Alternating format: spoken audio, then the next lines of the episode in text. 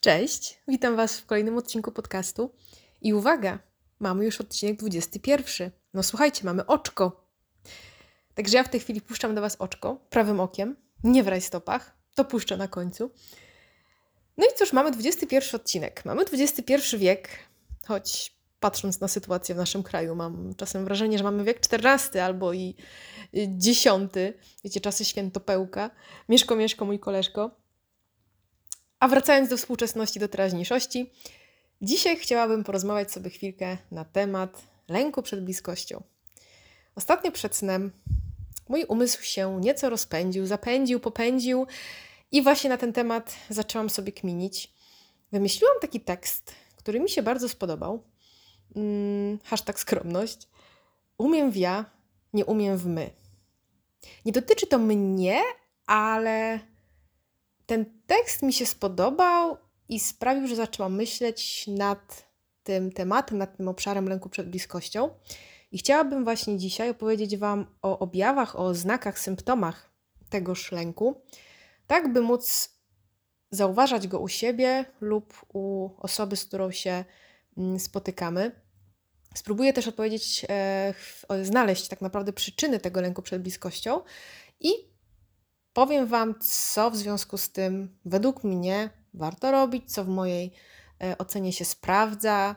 Mm, większość tych rzeczy, o których, o których będę opowiadać, to nie są moje doświadczenia, natomiast są to doświadczenia mm, bardzo wielu bliskich mi osób, bardzo wielu bliskich mi i kobiet, i mężczyzn, więc myślę, że jest to całkiem fajny koszyczek experience'u, którym można się podzielić. No i cóż, przejdźmy od razu do rzeczy. Jeśli chodzi o pierwszą, e, pierwszy symptom, pierwsze objawy, po których można poznać, że ktoś być może boryka się z lękiem właśnie przed bliskością, jest dobieranie partnerów nieosiągalnych. Są to potencjalni partnerzy, którzy z różnych względów mm, życiowo-rodzinnych, no raczej dobrym materiałem na męża, partnera e, w relacji długodystansowej, no nie są. Mam tutaj na myśli przede wszystkim dobieranie partnerów, którzy są spoza miejsca zamieszkania. To są bardzo takie twarde i namacalne e, objawy, więc te akurat są dosyć łatwe do zweryfikowania. Miałam taką znajomą, która właściwie przez 4-5 lat e, randkowania, spotykania się, bardzo często komunikowała, że ona szuka kogoś na stałe, ale jakimś dziwnym trafem zawsze dobierała sobie facetów z Warszawy lub z Krakowa. E, czasem zdarzali się też absztyfikanci z Londynu, e, tudzież z Hiszpanii. Ale ona chciała poważnego związku tutaj na miejscu, oczywiście. Także jeśli ktoś jednak co do zasady szuka i nawet ustawia na portalach randkowych zasięg no, który nijak się ma do miejsca zamieszkania tej osoby, no to gdzieś tutaj, no coś jest na rzeczy. Warto na to zwrócić uwagę. Drugi taki typ, e, typa nieosiągalnego, no to są osoby e, żonate. Ja oczywiście mówię z perspektywy kobiet i też te doświadczenia, o których tutaj wspominam, e, biorą się w 70% z rozmów z kobietami, to też zaznaczam. Więc drugi taki typ to są faceci żonaci. No i znowu inna znajoma, która podobnie jakby zaznaczała, że ona by chciała czegoś poważnego, chciałaby założyć rodzinę, no ale hmm, jeden żonaty, drugi żonaty, trzeci żonaty, no i jakoś tak to szło, że no oni kurczę tych rozwodów dla niej nie brali, no, no hmm. ja znam kilka sytuacji tylko przez lata i powiedziałam nawet, że to nie są moi znajomi, tak naprawdę wśród moich znajomych to była jedna sytuacja, a pozostałe dwie, o których mówię, są zasłyszane. E, kiedy naprawdę doszło do rozwodu, czyli kiedy facet zdecydował się na rozwód, na opuszczenie swojej rodziny na rzecz kochanki tej, tej trzeciej. No, co do zasady to się nie dzieje. Więc jeśli ktoś faktycznie szuka poważnej relacji z żonatym, ząg, coś tu jest niehalo. Trzecim takim typem jeszcze, wartym zaznaczenia, jest też typ nieosiągalny ze względów zawodowych. Mm, mężczyźni często wprost komunikują, że są na przykład na etapie życia, kiedy rozkręcają firmę, kiedy stawiają karierę na pierwszym miejscu, e, mają dużo delegacji, wyjazdów i tak naprawdę w tym momencie wchodzenie w relację z mężczyzną, który też tak o tym mówi, mm, no, może być wynikową lęku przed bliskością, bo tak naprawdę wchodzenie w relację z taką osobą wiąże się z tym, że tej bliskości po prostu nie będzie. Drugim mm, obszarem, drugim takim, drugą kategorią objawów i symptomów lęku przed bliskością będą wyśrubowane standardy. I to takie wyśrubowane na maksa. Bierzecie klucz francuski, zapieracie się całym cielskiem i po prostu ciśniecie śrubę na maksa. Wiecie, każdy z nas fajnie, żeby miał jakąś wizję swojego partnera. W firmach bardzo często można spotkać się z czymś, co nazywa się wizja, misja firmy.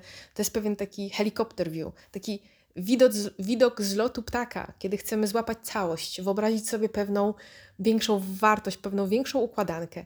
I to też jest świetne w przypadku właśnie partnera, żeby taką wizję mieć. Natomiast kiedy schodzimy na poziom absolutnych detali, szczegółów i specyfikacji, to coś tu może być nie tak. E, powiem Wam o moim autorskim pomyśle. Kiedyś usłyszałam o takim sposobie priorytetyzowania zadań w projektach. Bardzo prosty, bardzo przyjemny, polecam. Moską. I to bierze się od trzech e, wyrazów: must, should, could. I ja powiem Wam, troszkę to stosuję w kontekście relacji. Jest to sposób na to, by swoje priorytety i swoje wytyczne, czy swoje oczekiwania, marzenia, potrzeby względem partnera właśnie w ten sposób skategoryzować. Poprzez kategorię must, czyli musi, poprzez kategorię e, should, powinien i could, czyli mógłby. Ta pierwsza, czyli must, jest o tyle istotna, że to jest faktycznie kategoria zero-jedynkowa. Jeśli tutaj jakaś rzecz jest niespełniona, no to raczej relacji tutaj nie będzie. E, przykładem może być to, że ja nie chcę wyjeżdżać z kraju. W momencie, kiedy ktoś mówi, że dąży do tego, żeby w przeciągu trzech lat opuścić kraj, to dla mnie ten mas jest niespełniony i po prostu ja nie wchodzę w taką relację. Inne, które są w moim przypadku, dam kilka przykładów, jeśli chodzi o masty. To jest inteligencja emocjonalna. To jest dla mnie absolutnie pierwsza rzecz, jeśli ktoś mnie pyta o wymarzonego partnera, inteligencja emocjonalna. Tak naprawdę troszeczkę ona jest powiązana z inteligencją taką klasyczną IQ, natomiast dla mnie ta emocjonalna jest nawet istotniejsza.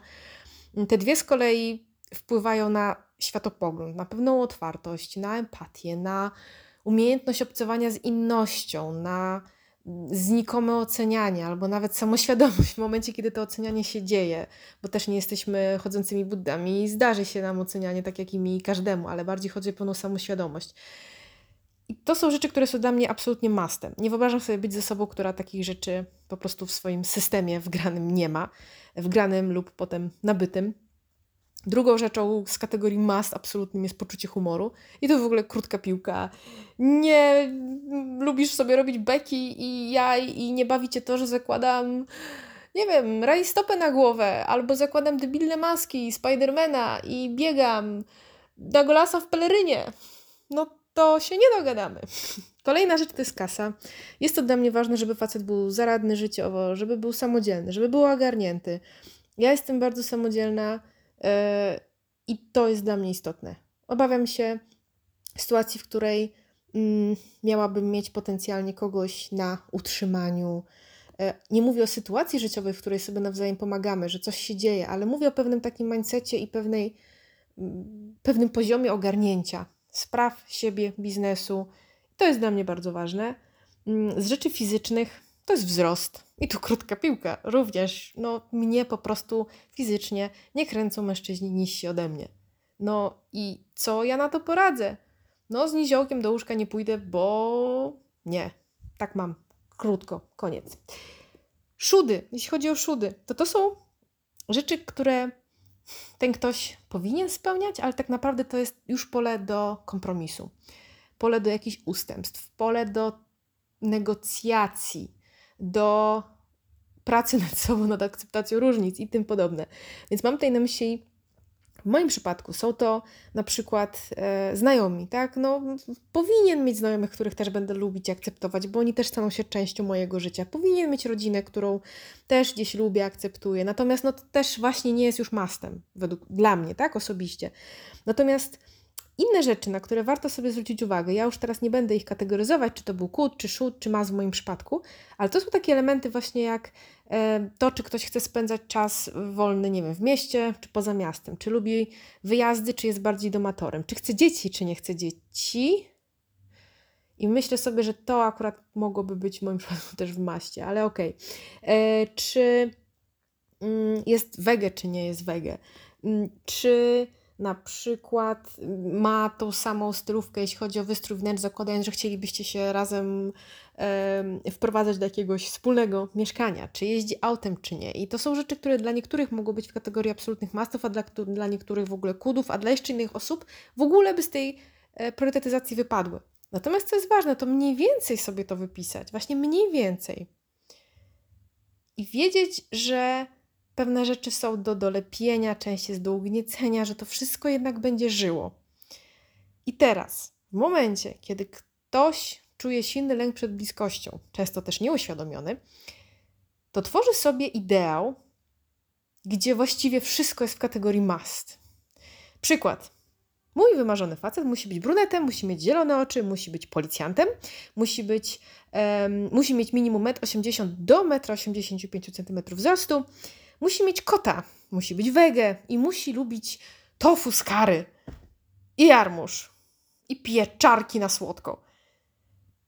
Wiecie, ideały nie istnieją. Natomiast jeśli ktoś jeszcze w dodatku ma naprawdę tak wyśrubowaną listę i to są same masty, to to może być oznaka szukania pretekstu do tego, żeby nie znaleźć partnera. Znam kilka takich sytuacji i kilka tekstów, które kiedyś usłyszałam, Wam zaraz przytoczę. I kiedy słyszę tego typu wypowiedzi, to dla mnie jest to właśnie taka forma autosabotażu. Jednym z takich tekstów było: e, Nic z tego nie będzie, bo hm, on jest o miesiąc młodszy. I ta dziewczyna miała tak jasno wryte do głowy, że facet musi być starszy, że w momencie, kiedy wszystko było ok, ale on był o miesiąc młodszy, no to już nie, to nic z tego nie będzie. E, inna sytuacja to jest e, z kolei wypowiedź faceta, porandce, w której kobieta wspomniała, że może kiedyś by chciała dzieci, że na ten moment nie, nie jest pewna, ale może kiedyś, może kiedyś. I fakt, że ona w ogóle poruszyła temat dzieci, czyli nie dość, że poruszyła temat jakiejkolwiek dalszej przyszłości jeszcze, w której jest rodzina dzieci, to już, to już gościa po prostu autentycznie zmroziło. Stwierdził, że to nie, nie, nie, nie, nie, to on, on się tutaj, on nie widzi już tutaj potencjału. Z kolei e, wypowiedź jeszcze jedna e, faceta dotyczyła paznokci. Słuchajcie, że facet właśnie opowiadał, że był zachwycony dziewczyną, był nią naprawdę zauroczony, kilka było wspólnych spotkań, natomiast w pewnym momencie zadziało się tak, że ona przyszła na randkę bez paznokcia, bo jej gdzieś tam miała, nawet nie tyle nie miała, co miała całe odrapany, tak jakby jej, no wiecie, technikaliów nie znam, ale miała odrapane paznokcie i go to tak zraziło do niej, tak nie mógł sobie już wybić z głowy obrazu tych nieidealnych paznokci, no że koniec. Nieważne, że dziewczyna była fajna, sympatyczna, miała świetne poczucie humoru, była atrakcyjna, ogarnięta, e, wyluzowana, nieważne. Ona miała odrapane paznokcie, więc puf, poszła, odstrzał. Inne jeszcze tego typu preteksty do odrzucenia to jest to, że ktoś na przykład nie jest wege albo nie ma prawka na motocykl, a przecież powinien mieć.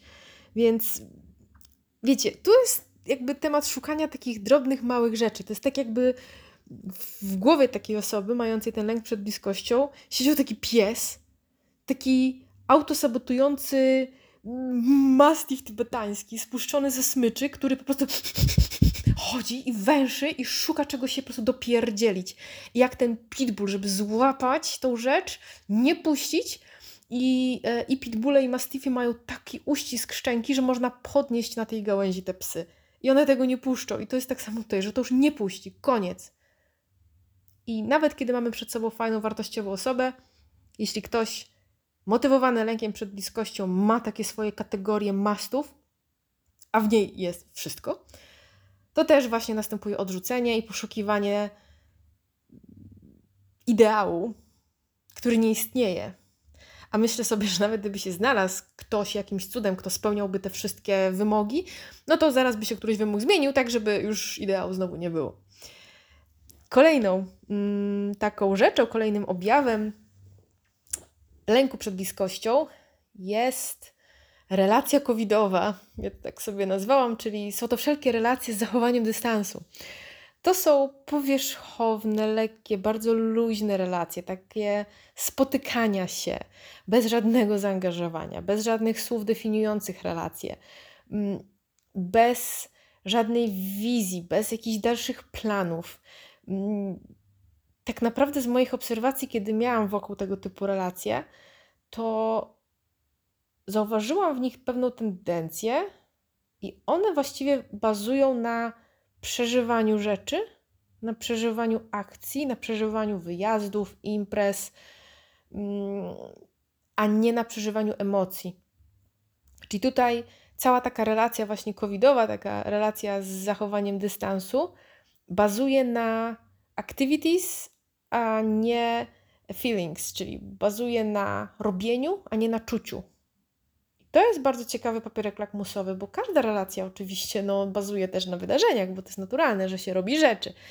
Natomiast jeśli to jest robienie rzeczy bez żadnego komentarza, bez żadnego mm, słowno-emocjonalnego podsumowania, kiedy taka relacja trwa załóżmy miesiące, kiedy nie ma tutaj takiego okraszenia emocją, to tutaj coś może być nie tak. I teraz bywa y, nierzadko tak, że jedna z osób po załóżmy 3-4 miesiącach takiego luźnego spotykania się, żeby coś fajnego robić, e, w tym pojawia się oczywiście seks, pojawia się, nie wiem, wspólne zostawanie na noc, pojawia się no, nierzadko już element jakiegoś przyzwyczajenia, to w momencie, kiedy jedna ze stron, z moich doświadczeń częściej jest to strona kobieca, yy, i kiedy właśnie jedna z tych stron, na przykład kobieca, chciałaby czegoś więcej, albo nieśmiało zaczyna zagadywać, to właściwie to kim my jesteśmy dla siebie, albo czy w sumie to jesteśmy na tą wyłączność, czy nie. To po drugiej stronie mamy czołówkę. Mik, mik! Run, Forest, run! I generalnie została chmura kurzu. Do widzenia. I to troszeczkę tak właśnie działa, że działa dopóki tam nie ma żadnych słów, które by powodowały właśnie ten lęk przed bliskością, czyli kiedy dochodzi do momentu nazwania czegokolwiek, uuu, damn, to trzeba wiać. Natomiast bardzo ciekawa rzecz dzieje się w momencie, kiedy dwie osoby motywowane takim lękiem przed bliskością wchodzą w relację. I wtedy dzieją się cudawianki, zadzieje się coś, co bym nazwała zabawą w dom. Może się zadziać tak zwana zabawa w dom, i myślę sobie trochę, że też coś podobnego mm, przerabiałam Mam tutaj na myśli sytuację, w której dwie strony, które nie dążą do bliskości, wchodzą w związek, czyli jednak decydują się nazwać to coś, ten quasi-byt. I wtedy dochodzi do zbudowania otoczki, obudowy, która z zewnątrz wygląda faktycznie jak związek, no bo jest jakieś wspólne mieszkanie, jest wspólne spędzanie świąt, celebrowanie rocznic, wspólne zakupy w Lidlu. Te dwie osoby są postrzegane z zewnątrz jako para na domówkach, na sylwestrach, na zdjęciach na Facebooku, na zdjęciach na Instagramie i tym podobne. Tylko, że tak naprawdę tutaj nie mam my, tutaj jest ja plus ja. Te dwie osoby tak naprawdę jakby żyją swoimi życiami, a ta relacja bardzo często stoi w miejscu. Ona po prostu została zaparkowana, jest zaciągnięty ręczny i się wszystko kurzy emocjonalnie. Czyli ten byt sobie tak, tak w tym garażu, czy na tym poboczu, tak sobie stoi w tym błotku, w tym deszczu, w tym gradzie i tak nie wiadomo, co z tym dalej. Czyli nie ma planów, nie ma rozmów. Mm, pojawiają się słowa kocham cię, aczkolwiek jakby twór, który jest nazywany związkiem, tym przypadku jest taki spętany, jak bandażami, jest takim embrionikiem, który nigdzie się nie posuwa.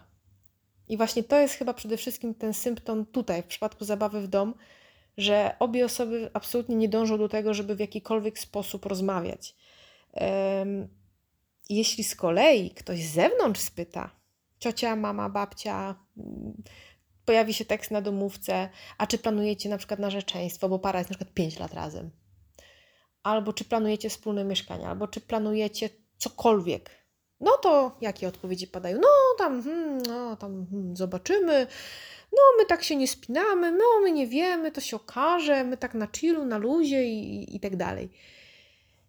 No, jeśli na przykład para jest 5 czy 6 lat razem, tak naprawdę nie wiedząc, czy chcą być razem, to to może być też właśnie objaw tego lęku przed bliskością i w tym przypadku e, mocno odczuwalny przez obie strony. Co właśnie wpływa na czas trwania takich relacji?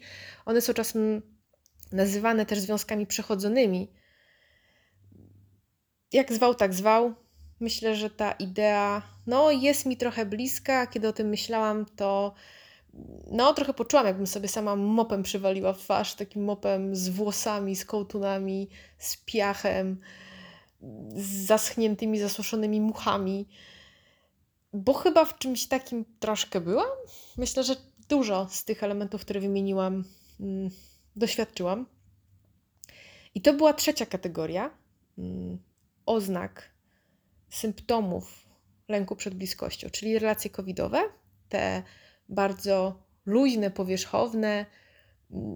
Tutaj są osoby, które można nazwać takim fajnym określeniem, że to są osoby niekochalne. Nie niekochane, ale niekochalne, czyli osoby, które wręcz tak dążą do tego, żeby być na takiej powierzchni, nie schodzić głębiej i właśnie od tej miłości to tak, mm, mm, to nie dla mnie, nie chcę. I właśnie tutaj w tej kategorii była zabawa w domu. Czwartym typem symptomów lęku przed bliskością może być dobieranie partnerów destrukcyjnych. Tu wchodzimy na takie tematy już grubego kalibru. Ja akurat bardzo się interesuję psychologią, psychopatologią i właśnie takimi cięższymi obszarami. Absolutnie nie jestem terapeutą ani ekspertem. Myślę, że jestem osobą, która dużo przeżyła, dużo czyta, dużo rozmawia. E, no, psychologiem nie jestem, to też jakby zaznaczam, że dzielę się tutaj moimi doświadczeniami, moimi przemyśleniami. Być może jestem w błędzie w niektórych obszarach i też bardzo chętnie usłyszę, jakby jeśli tak jest, to, to mówcie. Ja dzielę się moimi przemyśleniami przede wszystkim. Mm, I teraz, dobieranie partnerów destrukcyjnych. Mam tutaj na myśli wchodzenie w relacje, które krzywdzą, które sprawiają ból, i mam tutaj e, przede wszystkim z tyłu głowy agresorów, narcyzów, toksyków, alkoholików, pracocholików i typy osobowości, które hmm, nie dają zbytnio przestrzeni na zdrowe wyrażanie siebie i emocji. I tak naprawdę, tak naprawdę we wchodzeniu e, w takie relacje mm, inaczej wchodzenie w takie relacje jest bardzo logiczne, jest bardzo uzasadnione. Słyszę czasem takie teksty, o Boże, dlaczego ona jest tym facetem, który ją bije, leje, przecież ona mogłaby od niego odejść. No, to jest byt, który bardzo sprytnie, dobrze i mądrze, co nie znaczy, że budująco, ale działa, czyli jest tym logika.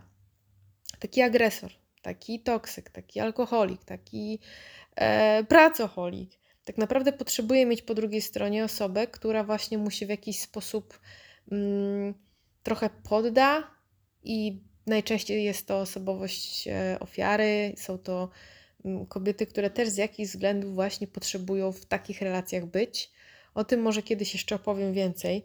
Nie chcę jakby wchodzić teraz w tematykę motywacji do bycia w relacji z tego typu mężczyznami, ale ta motywacja jest. To nie jest przypadek, to nie jest tak, że kobiety będące w takich relacjach lub mężczyźni są zahipnotyzowani, spętani, zniewoleni, bo, bo tak. Jest w tym duży element manipulacji, ale jest w tym też logika i pewna motywacja mm, i tak naprawdę poszukiwanie pewnej krzywdy i lęku. Ale tak jak mówię, o tym jeszcze będę e, mówić w innym nagraniu. I wchodzenie w takie relacje to jest behawioralna manifestacja lęku. To jest właśnie behawioralna, czyli taka, która jest widoczna w postaci zachowania, manifestacja tego lęku przed bliskością, bo w takich relacjach bliskości po prostu nie ma. Po prostu nie ma. Więc jeśli ktoś z różnych względów, najczęściej hashtag dzieciństwo, mm, nie chce być w bliskiej relacji, nie umie być w bliskiej relacji, lub właśnie, o czym gdzieś tak delikatnie, delikatnie zagaiłam, poszukuje wręcz odtworzenia stanu emocjonalnego z dzieciństwa, czyli poczucia winy, lęku i tak dalej, to wchodzi w takie relacje. I tutaj nie ma po prostu przestrzeni na bliskość tak naprawdę jest to całkiem smartne, całkiem logiczne, co nie znaczy, że zdrowe i budujące, jak wspomniałam. Jest takie ładne, mm, taki ładny cytat, to jest tak naprawdę mm, tytuł książki. Nienawidzę cię, nie odchodź. Nienawidzę cię, nie odchodź. Tu czuć, aż, aż czuję teraz te emocje. Mi jest aż przykro, kiedy myślę o, o byciu w, takiej matni, w takim szpagacie. Mm, to jest bardzo silny lęk i, i tak naprawdę mm, konflikt lęku między samotnością a lęku przed bliskością. No prawa noga, lęk przed samotnością, lewa noga, lęk przed bliskością i tak siedzisz w tym półszpagacie i czujesz, że cię wszystko ciągnie tam w kroczu i wszędzie indziej. To jest bardzo trudna sytuacja. Natomiast właśnie im jest gorzej w relacji, tym silniejszy robi się ten lęk przed jednak samotnością i motywacja, żeby zostać w tym związku. W przypadku odejścia czy chęci odejścia z kolei, e, oba te lęki jakby nawzajem się nakręcają i no i tak trochę paraliżują. No bo to tak jak w szpagacie, kiedy jesteś w takim półszpagacie, no to nie możesz zrobić kroku, nie? Musisz się na którąś stronę zdecydować, ale w tym przypadku taki paraliż, takie zawieszenie decyzyjne może trwać lata. I kolejnym objawem, symptomem lęku przed bliskością jest dopierdalanie się. Mogłabym powiedzieć to ładniej, ale to po prostu perfekto pasuje. No po prostu, no dopierdalanie się o pierdolety. To jest prowokowanie, doszukiwanie się. To jest wiercenie dziury w brzuchu, y, krojąc włos na czworo. I tak naprawdę w momencie, kiedy któraś ze stron czepia się jak pies, jak to jest? Nie jak pies rzepa, jak rzep psiego ogona, to tak naprawdę motywacją tej osoby jest udowodnienie, że to, to coś nie ma sensu, że ten byt nie ma sensu, lepiej się rozstać, e, czyli tak naprawdę uciec od potencjalnej bliskości. To są takie zachowania, teksty i prowokacje podszyte mocno manipulacją. No, znowu, tutaj większość przykładów będzie akurat od kobiet. No tak, zdecydowana większość będzie od kobiet. Mm, jedna ze znajomych mi dziewczyn wspomniała, że ona bardzo facetowi, że ona bardzo nie lubi mm, świętować hucznie urodzin, bo to jest tak naprawdę dla niej smutny dzień. Ona nie chce żadnej pompy, ona by chciała dostać kwiatka i mieć święty spokój. No to co zrobił facet? Facet posłuchał i bardzo e, winszuję takiej postawie życiowej, kiedy się mówi i się słucha. Ale w tym przypadku, kiedy facet przyszedł z kwiatkiem, to co się stało? Nie masz dla mnie prezentu, no wiesz co, naprawdę, przecież to są urodziny, to, to jakby jest mi teraz bardzo przykro, bardzo źle, naprawdę czuję, że mm, zaraz się w ogóle popłaczę, jak mogłeś. Inna sytuacja. Nie, nie, spoko, spoko, idź z kumplami na domówkę, e, ja, ja nie mam ochoty, ja chcę zostać w domu, serio, idź sam, spoko, naprawdę idź sam. Facet poszedł na domówkę, wraca i co? A nie, bo ty mnie ciągle zostawiasz, ja jestem wiecznie sama w domu, ja się czuję porzucona, ja się czuję nieważna, ja to w ogóle nie wiem, po co w takim związku jestem. Kolejna sytuacja. I to jest, słuchajcie, autentyk. I to jest cytat, który mnie rozłożył na łopatki. No bo ja mu pokazałam przecież, bo ja założyłam nową gumkę do włosów, a on nie zauważył. Jak on mógł nie zauważyć, że ja mam nową gumkę do włosów? And I was like, damn, bitch. prostu. Okej. Okay. Jeśli miałaś czarne włosy i sobie zrobiłaś tleniony blond i facet tego nie zauważył, to być może faktycznie coś jest na rzeczy, że cię ma w D. Ale gumka do włosów, like, serio? Seriously? Kolejna jeszcze rzecz, też mm, kochanie, zaskocz mnie, mam ochotę, żebyś zrobił mi jakąś przyjemność. Facet pyta, no ale jaką? To chcesz pójść do restauracji? Czy może mam coś ugotować? Czy może jakiś wyjazd? Nie, nie, nie, nie, nie, nic nie mów. Zaskocz mnie. No to co facet zrobił? No to kupił bilety do teatru. Łe, teatr! To mi nie chodziło o teatr. I tutaj też dochodzi całe spektrum zazdrości, nie? Czyli a co to za koleżanka z pracy? A co to w ogóle na Messengerze? Kto to, a w kto zalajkował ci to zdjęcie? Kto dał to serduszko? A ta babka w żabce to się tak jakoś dziwnie do ciebie uśmiechnęła. I czemu ona ci rabat dała właściwie? Ej, stary, ona ci foliówkę ekstra dała. Co ty zrobiłeś, że ona ci tą foliówkę ekstra dała? Jak to? Dlaczego? A w ogóle ta pani na stacji benzynowej, jak dawała ci fakturę, to ona tak dziwnie powiedziała dobranoc. Tak jakby coś, tak jakby coś ci sugerowała ja nie wiem, naprawdę, nie mogę ci zaufać, jestem zawiedziona, ja staram się być fair, a ty co robisz? Co ty w ogóle robisz i ten związek nie ma sensu? Czujecie klimat, nie? To jest dopierdzielanie się na każdym możliwym kroku. I tutaj bardzo często właśnie leży lęk przed bliskością. To jest tak naprawdę udowadnianie sobie, udowadnianie sobie, że relacja, w której jesteśmy, nie ma sensu. To jest szukanie dziury w całym. To jest podważanie i jak więzy, wyciąganie kolejnych klocuszków, żeby ta konstrukcja po prostu walnęła. Zamiast właśnie dokładać klocuszki, żeby konstrukcja była silniejsza, to jest cały czas jakby takie dopierdzielanie, żeby to wszystko w końcu po prostu jebło. Piękna metoda. Nie polecam. E, polecam obserwować ją i w sytuacji, kiedy byśmy widzieli to z tej drugiej strony, zakładając, że sami już tego nie robimy, ale jeśli byśmy mieli to z drugiej strony, to ja osobiście w takich sytuacjach reaguję od razu mówiąc to, że słuchaj, kochanie, jeśli mówisz mi, że nie chciałeś świętować w żaden sposób, powiedziałeś, że chcesz zostać w domu, zostaliśmy w domu, teraz mówisz, że jednak wolałbyś, żebym coś zorganizowała, to ja się czuję pogubiona, bo ja zareagowałam na Twój komunikat. Zastanów się, co Tobą motywuje, bo na pewno nie jest to nic obiektywnego i nie jest to fakt tego, że ja Cię nie posłuchałam, tylko chyba mi w takim razie powiedziałeś nie to, czego oczekujesz, albo się czepiasz, bo być może boisz się właśnie, że będzie za dobrze.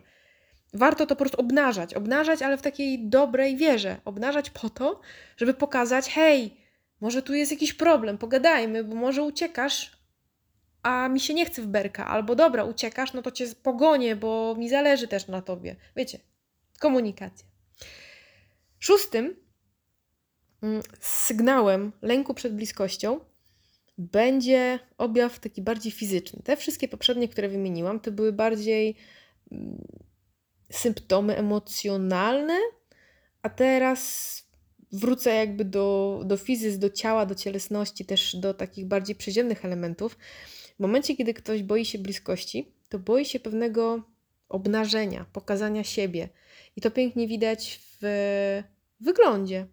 W momencie, kiedy kobieta unika zmycia make-upu, zawsze jest pięknie odpicowana, wytrymowana, ma zawsze cudowny obcas i tak dalej, i tak dalej, to być może ona po prostu, czy on wchodzi w relację troszkę wolniej i ten proces otwierania się, pokazywania takiej troszkę brzydszej swojej strony po prostu trwa dłużej, ale być może jest to jednak z tego kawałka właśnie takiego lęku przed bliskością. Czyli to jest pozostawanie w masce, to jest funkcjonowanie za filtrami instagramowymi. Ostatnio, wiecie co, daleko mi do hejtowania, ale to było tak słabe, że Ech, nawiążę. Jest taka insta... Nie, co to jest? To jest youtuberka. Andziaks. W ogóle hashtag Andziaks. To już brzmi po prostu źle. Dobra, nieważne. Jest sobie Andziaks. I ona ostatnio... Ktoś mi podesłał fragment, żebym zobaczyła. I zobaczyłam ten fragment wypowiedzi, kiedy ona leżąc w łóżku z dzieckiem, e, śliczna, odpicowana mm, w, w modnej, tykej maksowej jakiejś piżamce w cudnym wnętrzu, Mm, leżała w tym łóżku ze swoim facetem, on też cudny, e, wypomadowany lovelasik i nagle ona mm, zaczęła mówić, czy on, że hmm, takie właśnie, takie poranne wstawanie, takie całowanie się, kiedy nikt nie wyjmuje zębów, to jest po prostu ohydne, to jest ohyda.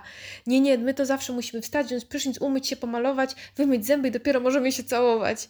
I dosłownie sobie wtórowali, że to jest ohyda, to jest ohyda.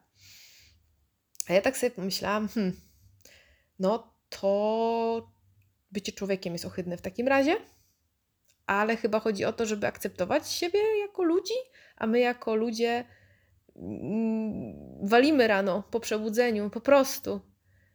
I znowu, nie chodzi o to, żeby ziewać sobie w twarz, ale jeśli się budzimy i mamy ochotę się pocałować, to się pocałujmy.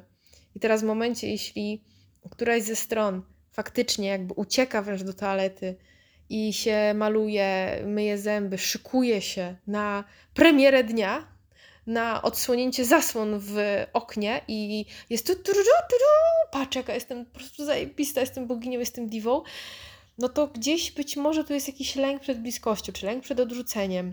To akurat mówię z własnego doświadczenia, kiedy miałam pierwszą relację, kiedy miałam 21 lat, taką poważną, miałam wtedy straszne problemy z trądzikiem, ale takie hardkorowe, Dlatego też trochę do dziś wiem, że za często stosuję puder, bo jeszcze mi zostały takie blizny przebarwienia. Natomiast wtedy miałam wulkany. Miałam po prostu poryte jak struktura księżyca w pełni, kratery na policzkach i faktycznie ja wstawałam rano I zanim on się obudził, ja biegłam do toalety i nakładałam centymetry szpachli na te wszystkie kratery, żeby je wyrównać dosłownie jak plasteliną, jak masą plastyczną. Myłam zęby, po czym udawałam, że śpię. I się budziłam, taka piękna. Do tej pory się zastanawiam, czy on to widział, czy nie. Jeśli to widział i nie mówił, no to był kochany. Natomiast ja się po prostu bałam odsłonięcia, ja się bałam pokazania siebie, poka pokazania się w wersji, która no nie jest piękną wersją, według mnie samej. Ja siebie wtedy też nie akceptowałam, po prostu z tamtym stanem cery, było mi wstyd, byłam zakompleksiona i faktycznie nie pokazywałam się właściwie nigdy w tym stanie. Także to jest ten element takiego dbania o to, żeby zawsze było perfekt do tego jeszcze dochodzi też unikanie tulenia, unikanie dotyku, e, spanie osobno. Mm, czyli dochodzimy do tego, że zawsze ma być cudownie. Jeśli któraś ze stron choruje i odwołuje wtedy spotkanie, nie chce się pokazać w momencie, kiedy ma wory pod oczami, wysypkę i tym podobne, no to, to też gdzieś tą bliskość stopuje, blokuje. E, I tu jest jedna ważna rzecz, że akurat to, co teraz wszystko mówię, nie musi oznaczać, że ktoś jest motywowany jakimś silnym lękiem przed bliskością, może to oznaczać, że po prostu wolniej wchodzi w relacje i potrzebuje trochę więcej czasu, żeby te rzeczy obnażyć, czy pokazać, czy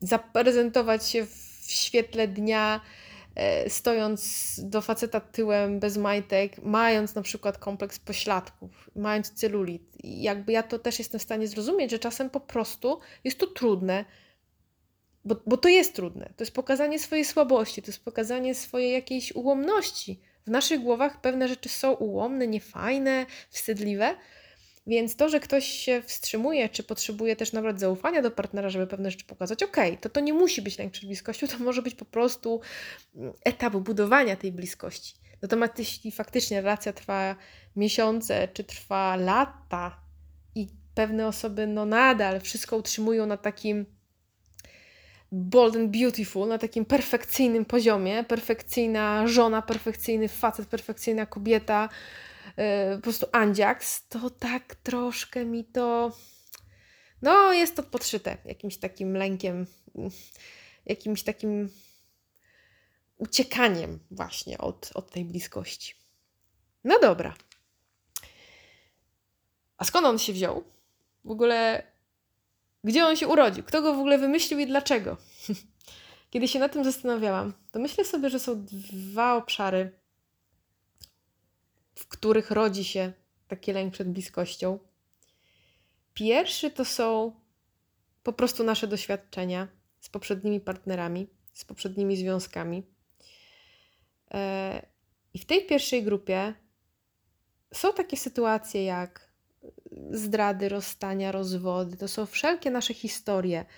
To jest trochę tak, że te nasze poprzednie relacje i poprzedni partnerzy to działają jak takie kukisy, zostawiają w nas to ciasteczko, zostawiają w nas coś z siebie i, jakby boimy się powtórki, nie? z rozrywki.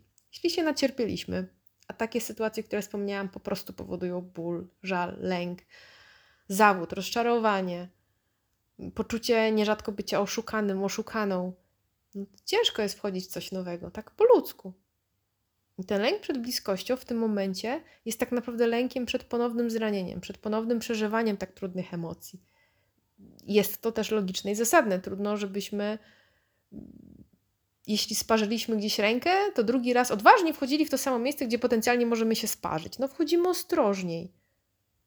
Natomiast jest to, myślę, ważna przyczyna, którą warto samemu sobie uświadomić, jeśli ją mamy. Mm, druga rzecz jest jeszcze taka, bo tutaj wspomniałam o takich wydarzeniach trochę większego kalibru, tak? Czyli właśnie wspomniane rozwody, rozstania, jakieś długoletnie związki, wyprowadzka na przykład od partnera, czy kiedy partner wyprowadza się od nas. To są duże przeżycia. Natomiast może być też sytuacja, której trochę ja też doświadczyłam, czyli suma małych zawodów. Takie, takie zawodki. Ja lubię sobie stosować taką analogię siniaka. Wyobraźcie sobie sytuację, ja to teraz zrobię, że mam w prawej ręce długopis i uderzam sobie, nie wiem czy to słychać, słychać, ała, uderzam sobie w rękę. W miejsce, w którym jest zapięcie zegarka. Takie tam kostka wystaje, generalnie troszkę boli, ale tak tylko troszkę boli. Uderzyłam raz, zabolało troszeczkę. Uderzyłam trzy razy, zabolało troszkę bardziej, ale w sumie nadal. Poziom tego bólu, natężenie tego bólu jest znikome. Ale jeśli na przykład przez trzy lata ktoś uderza w to samo miejsce 3000 razy, to każdy kolejny cios już będzie napierdzielał, bo uderza już w siniak, uderza już w miejsce, które było ileś razy testowane, ileś razy już było poddane czemuś przykremu. Ja tutaj tą analogię właśnie mam, kiedy myślę sobie o randkowaniu, że przez trzy lata miałam z tego absolutny fan, radość, mam bardzo silne poczucie takiej tak naprawdę samorealizacji poprzez randkowanie. Poznałam siebie, poznałam własne potrzeby, poznałam świetnych ludzi. To był piękny czas. Ale w momencie, kiedy przez rok już byłam bardziej otwarta na jakąś stałą relację i dochodziło do pierwszego, drugiego, trzeciego, czwartego, piątego zawodu, to mimo, że ja nie byłam w te relacje zaangażowana, to nie było walnięcie obuchem w łeb, to było walnięcie długopisem w nadgarstek, ale to było walnięcie w to samo miejsce. Po dwóch randkach, po jednej, znowu po dwóch, po trzech, po dwóch, po trzech, po jednej. I to już po prostu sprawia, że każda kolejna już. Mm, już mam jakąś niechęć, już mam właśnie jakiś opór, już mi się coraz mniej gdzieś tam chce. I to, to mam na myśli, nie? że właśnie w przypadku lęku przed bliskością zrodzonego poprzez przeżyte doświadczenia, to mogą być te przeżycia dużego kalibru, ale też sumę małych przeżyć, takich małych zawodów. Takich małych fakapików, które jednak składają się na jakąś sumę zawodów, sumę większych rozczarowań. Druga grupa, a właściwie druga mm, kategoria, to jest oczywiście to, co zawsze. Czyli co? Werble? To były werble? No, wiadomo, hashtag dzieciństwo, to jest przecież neverending story, to jest początek wszystkiego. Mm, jeśli mieliśmy toksycznych rodziców, jeśli mieliśmy dom, w którym nie były uznawane emocje, w którym nie było uważności na nas, nie było uważności na to, co przeżywamy, mm, jeśli klimat emocjonalny dziecka to był lęk, poczucie winy, poczucie braku bezpieczeństwa, stabilizacji. Jeśli mamy na myśli, mam tutaj na myśli też osoby potem DDA, DDD, e, FAP, FAP, FAP, po prostu wszelkie różnego rodzaju straszne skróty. DDD to są dorosłe dzieci dysfunkcyjne, DDA dorosłe dzieci alkoholików, tak w dużym skrócie. Tych DDDD jest bardzo dużo. Był chyba kiedyś reporter DD, nie? W telewizji był taki na jedynce chyba w teleranku. DD reporter, reporter DD, coś takiego było. I teraz, jeśli właśnie dorasta sobie dzieciak w takich, no, niefajnych warunkach, mm, to skrypt jego psychiki ma zaszyte głęboko przekonanie, że bliskość powoduje ból, powoduje jakieś straty, jest niewygodne, jest niefajne. To jest jak taki głęboki rejestr w Windowsie, nie? że tam się da pozmieniać, ale trzeba wejść i, i naprawdę się nagrzebać, żeby to pozmieniać. No bo jeśli w domu był właśnie klimat, który był taki, jak wspomniałam, czyli raczej to było spektrum przykrych emocji, i rodzice mówili: Kocham cię, bo najczęściej mówili, niekoniecznie to wyrażali, i nie, najczęściej te potem czyny i klimat nie był jakby odzwierciedleniem słów kocham cię, które są czymś dobrym, pięknym, budującym bliskość, radość, ciepło. Ale padały te słowa to w głowie dziecka te słowa kocham cię, no są lękiem, poczuciem winy, poczuciem odrzucenia, poczuciem bycia niewystarczającym i tak dalej, i tak dalej. Więc potem bliskość jest właśnie zagrożeniem, bo kojarzy się właśnie z tymi stanami emocjonalnymi, które przecież były nazywane kocham cię. No to jak ktoś mnie kocha, to znaczy, że ja cierpię. I osoby mające takie trudne przeżycia w dzieciństwie, bo to nie musi być taki hardcore i od razu bicie, lanie, chlanie i tak dalej, ale to mogą być po prostu właśnie te rodziny dysfunkcyjne, gdzie jakieś kawałki nie, nie hulały, zimne domy, albo osoby, które nigdy nie usłyszały kocham cię, osoby, które nigdy nie były przytulone, albo osoby, które miały wręcz mówione, że spoko, spoko, ale jakbyś coś, to wtedy coś, nie? Czyli znowu program wgrany zasługiwania na miłość i tak dalej. To są różne skrawki, które mogły nie działać. To takie osoby bardzo często no idą w dwie strony. No albo unikają bliskości bardzo mocno i po prostu nie wchodzą w relacje, albo właśnie tworzą sobie listy wymagań, które są nierealne, które są no, niemożliwe do spełnienia.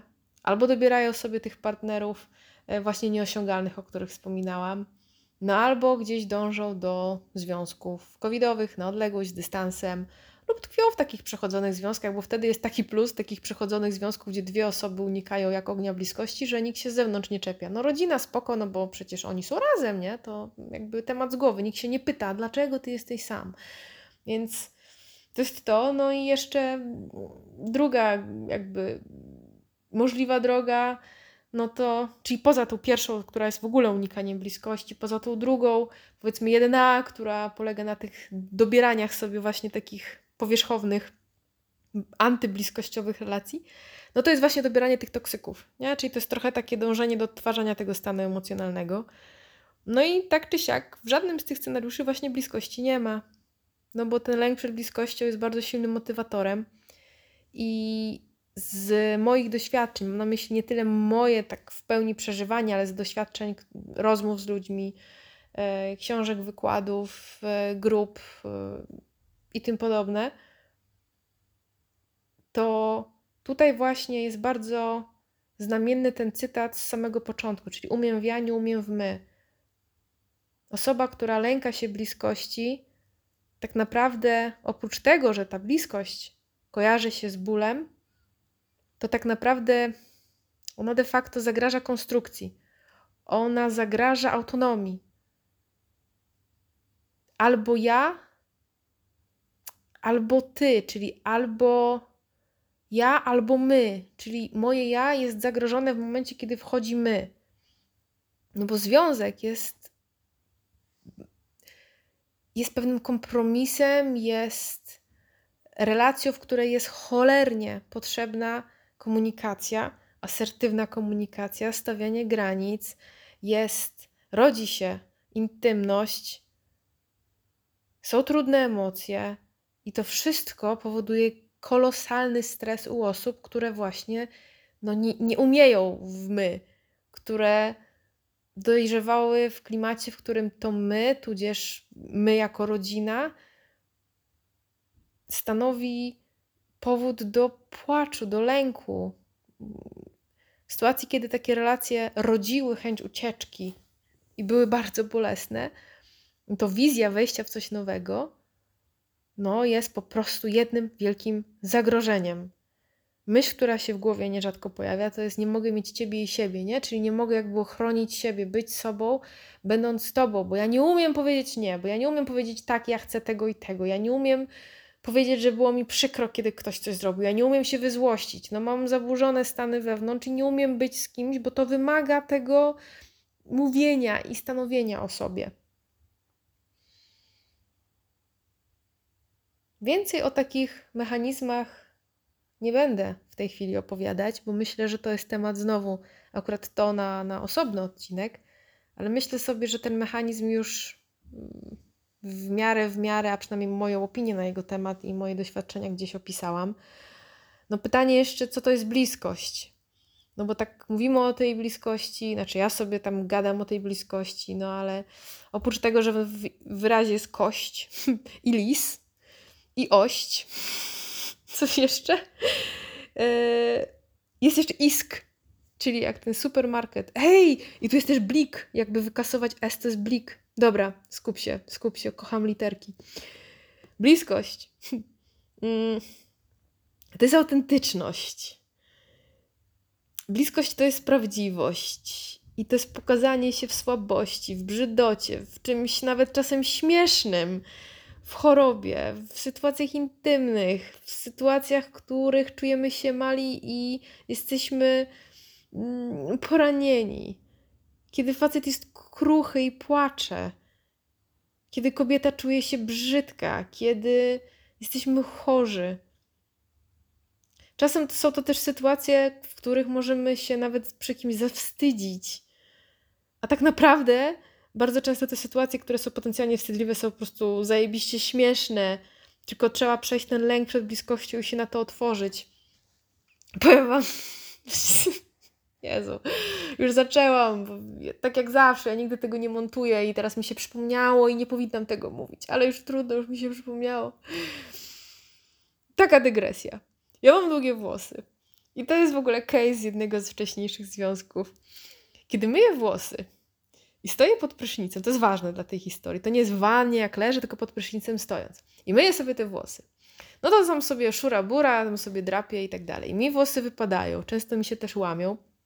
No i te włosy sobie potem jak spłukuję, no to one spłukują się po plecach. No i sobie tam spływają, spływają, spływają. No i kiedyś właśnie po prysznicu, w sytuacji e, już wybitnie intymnej, nagle facet tak się ocknął i tak, a co to jest? Ja mówię, Jezu, co?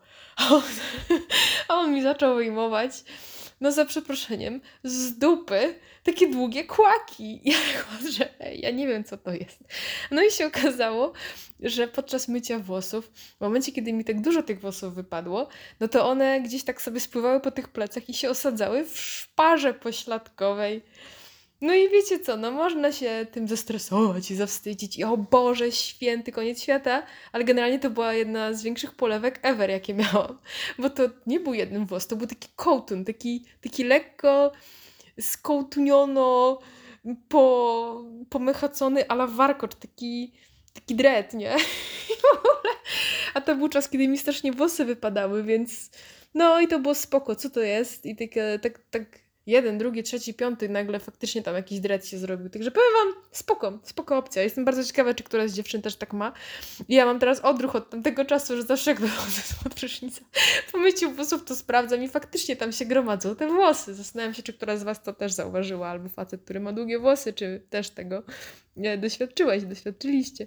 Powiedzcie, koniecznie, koniecznie. No więc właśnie bliskość to jest to obcowanie z prawdziwym człowiekiem.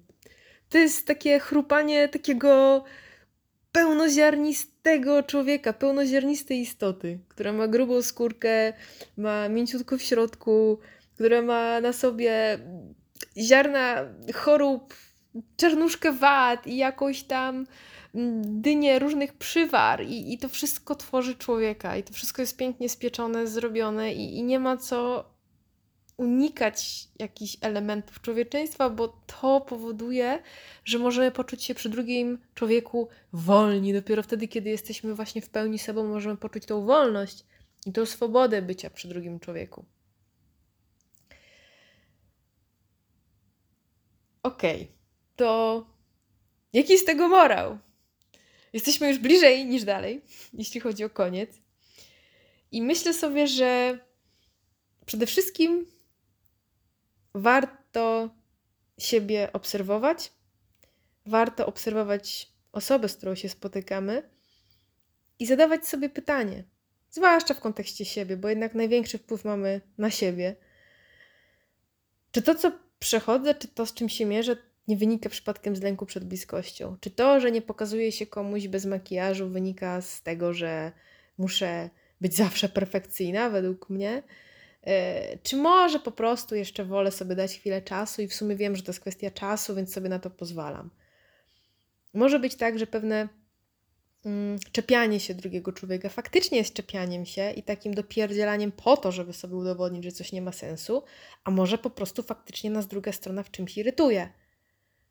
Być może unikam bliskości, być może unikam, nie wiem, spania z kimś, być może unikam dotykania się dlatego, że mam lęk przed bliskością, być może dlatego, że potrzebuję na to więcej czasu, bo na przykład się sparzyłam w poprzednich relacjach, a być może to krzyczy intuicja, że to nie jest ten i ciało krzyczy, że nie chce dotyku.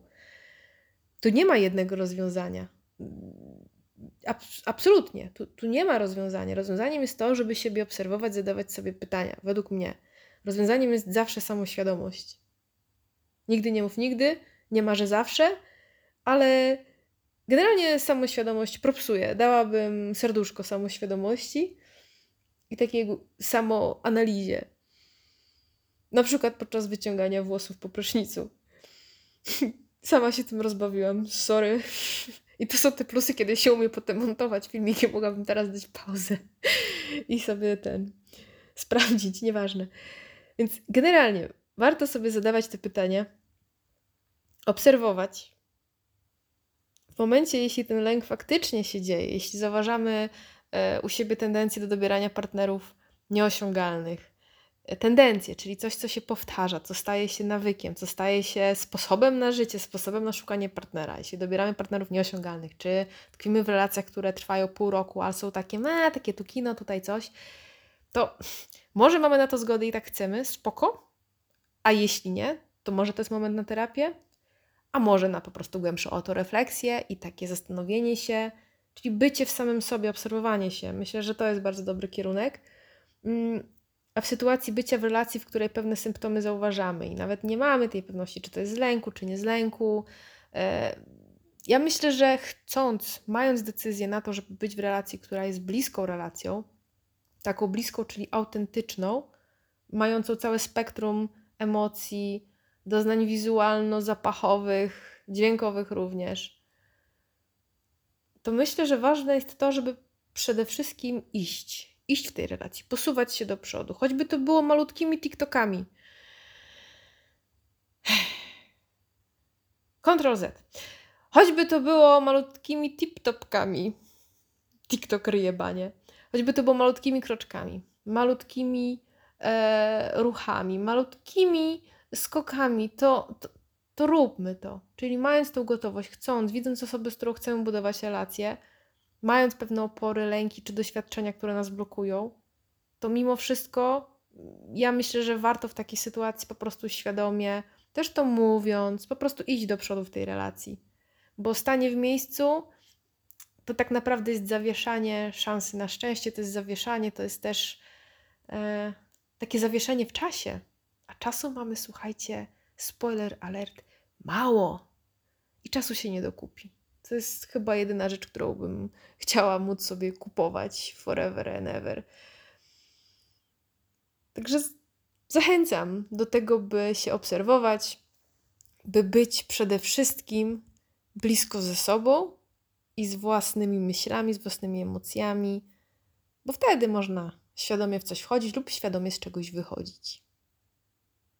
Do usłyszenia w kolejnym odcinku. Trzymajcie się ciepło. Puszczam teraz kolejne oczko, prawe, lewe, a w rajstopach to następnym razem. Do usłyszenia.